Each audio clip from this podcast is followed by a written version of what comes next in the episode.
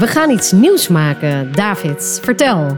Ja, dat klopt. Ja, dat kan ik wel vertellen, maar we weten het helemaal niet zo goed. We hebben in ieder geval bedacht om, om zorgverleners, die willen we graag inspireren om meer met lezen te gaan doen. Maar, en we dachten, nou, we gaan dat in de vorm van een podcast doen. Maar met wie en hoe precies, dat weten we niet. Toch? Of Nee. weet jij het wel? Nou, ja en nee, want we weten natuurlijk, we werken altijd vanuit een structuur. Maar we houden er ook zo van dat het ontstaat wat er mag ontstaan. En ook vanuit wat anderen willen horen of vanuit de gesprekken die ontstaan. Dus ja, we weten, we gaan een podcast maken. We weten ook voor wie, namelijk Ja. voor zorgverleners. Ja. We weten ook waarom. Waarom Zeker. wij dit belangrijk vinden. Ja. We weten ook waarover. ja, maar we laten ons denk ik wel heel erg leiden ook wat onze gasten ervan vinden. Ja, Dus waarover deels, maar ik ben benieuwd wat ze allemaal te vertellen hebben. ja. We hebben met Voeding Leeft al meerdere podcasts opgenomen in allerlei vormen voor deelnemers, voor zorgverleners, voor eh, iedereen die het wil horen.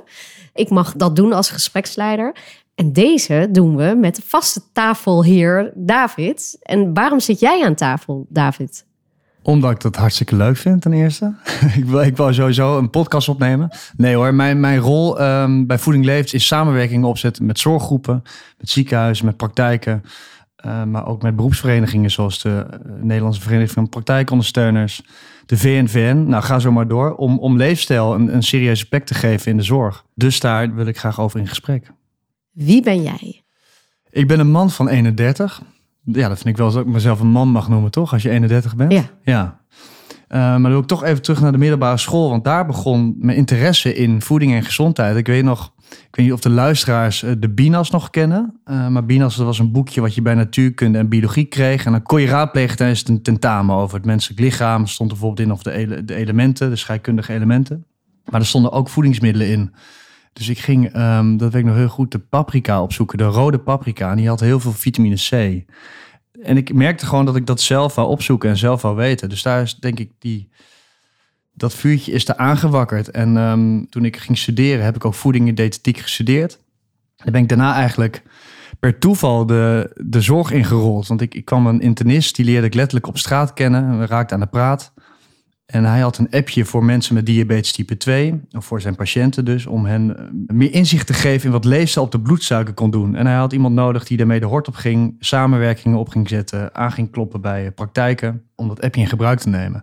Dus dat heb ik gedaan. En eh, met echt met heel veel plezier, maar met ook wel heel veel, veel verwondering moet ik zeggen. Want eh, er gebeurden heel veel mooie dingen al in de, in de zorg. Maar ik dacht van, nou, volgens mij kan, kan er nog wel een, een slinger worden gegeven aan, aan leefstijl in de spreekkamer en ook buiten de spreekkamer.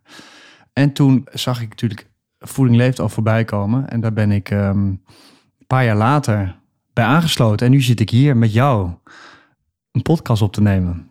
Ja. En ga ik aan jou vragen, hè, want over paprika gesproken. Ja, Wat, eh, kook jij zelf? Ja, niet, niet heel veel, want ik woon alleen. Ehm, dus ik, ik haal ook wel veel af. Ehm, maar gelukkig lunch op kantoor hier eh, met salades. Dus ik ben niet echt een koker, nee. Wat kook je het liefst als je kookt? Vrij simpel. Ik hou, ik hou wel van de Nederlandse keuken. Dus ik ehm stampotjes en ik maak ook wel vaak wokjes of ehm thais. In ieder geval dingen die ik dan, die ik nog makkelijk kan eh, bewaren in de pan voor de dag erna. Wat is jouw ultieme manier van ontspannen? Muziek maken. Eh, ik ben een drummer. Nou, mijn ouders zeiden, ik ben geboren in eh, Nepal. En, ehm, maar daar kan ik heel weinig van herinneren, want ik was heel jong toen ik daar wegging. Maar mijn, mijn ouders zeiden dat ik toen al ehm, op pannen en potten aan het rammelen was. En ik was ook de enige thuis, ik heb twee broertjes en een zusje, die uit zichzelf een instrument koos. Hè. Normaal gaat dat vaak, vinden ouders het belangrijk dat je piano gaat spelen of eh, viool. Nou, dat deden mijn broertje en zusje ook braaf, maar dat was altijd ruzie. Eh, omdat ze dat eigenlijk helemaal niet zelf wouden. Maar ik heb, ehm, ik heb zelf gekozen voor drummen en dat doe ik nog steeds met heel veel, heel veel plezier. En geef je dus ontspanning. En geeft me heel veel ontspanning, ja. Ultieme ontspanning, ja. Drummen en en sowieso muziek, ook muziek luisteren, ja. Waarom is leefstijl voor jou belangrijk? Of waarom is het belangrijk dat leefstijl breder ingezet wordt en dat er meer aandacht voor is? Ik denk dat het heel veel mensen kan helpen. Ook mensen die dat misschien nog niet hebben ingezien. Dus ik vind dat iedereen de kans moet krijgen om, om aan zijn leefstijl te werken en, en om daar hulp erbij te krijgen. En als je dat niet wil, dan is dat ook goed. Maar ik denk dat we nog te weinig, uh, dat we het nog niet serieus genoeg nemen en dat we niet iedereen daarmee, mee, dat we dat niet iedereen aanbevelen. Dat ten eerste. Um, en ten tweede denk ik dat ook, um, wat ik heel leuk vind, ik heb echt al veel zorgverleners gesproken en zorggroepen en ziekenhuizen. Er zit al zoveel energie en zoveel ja, meer focus op leefstijl dan, uh, dan, dan jaren geleden. Dus die willen wel. Alleen ik denk dat we, nog, dat we, dat we hun nog wel kunnen helpen met, met, met hoe dan. En um, dat wil ik graag doen voor ze. En daarom is tien jaar geleden Voeding Leeft opgericht om leefstijl breder in te zetten, in de spreekkamer normaal te maken. En de cijfers liegen er niet om. Nee. Want in Nederland zijn 10 miljoen mensen chronisch ziek. En reizen de zorgkosten de pan uit. En als we zo doorgaan, dan zijn in 2040 betalen we de helft van ons inkomen aan zorgkosten. Dus we hebben iets te doen. Ja. En wij hebben daar ook een rol in. Ja. Om mensen te inspireren, te enthousiasmeren en aan te zetten. Te helpen eigenlijk ook wel. Ja, zeker. Vandaar deze podcast.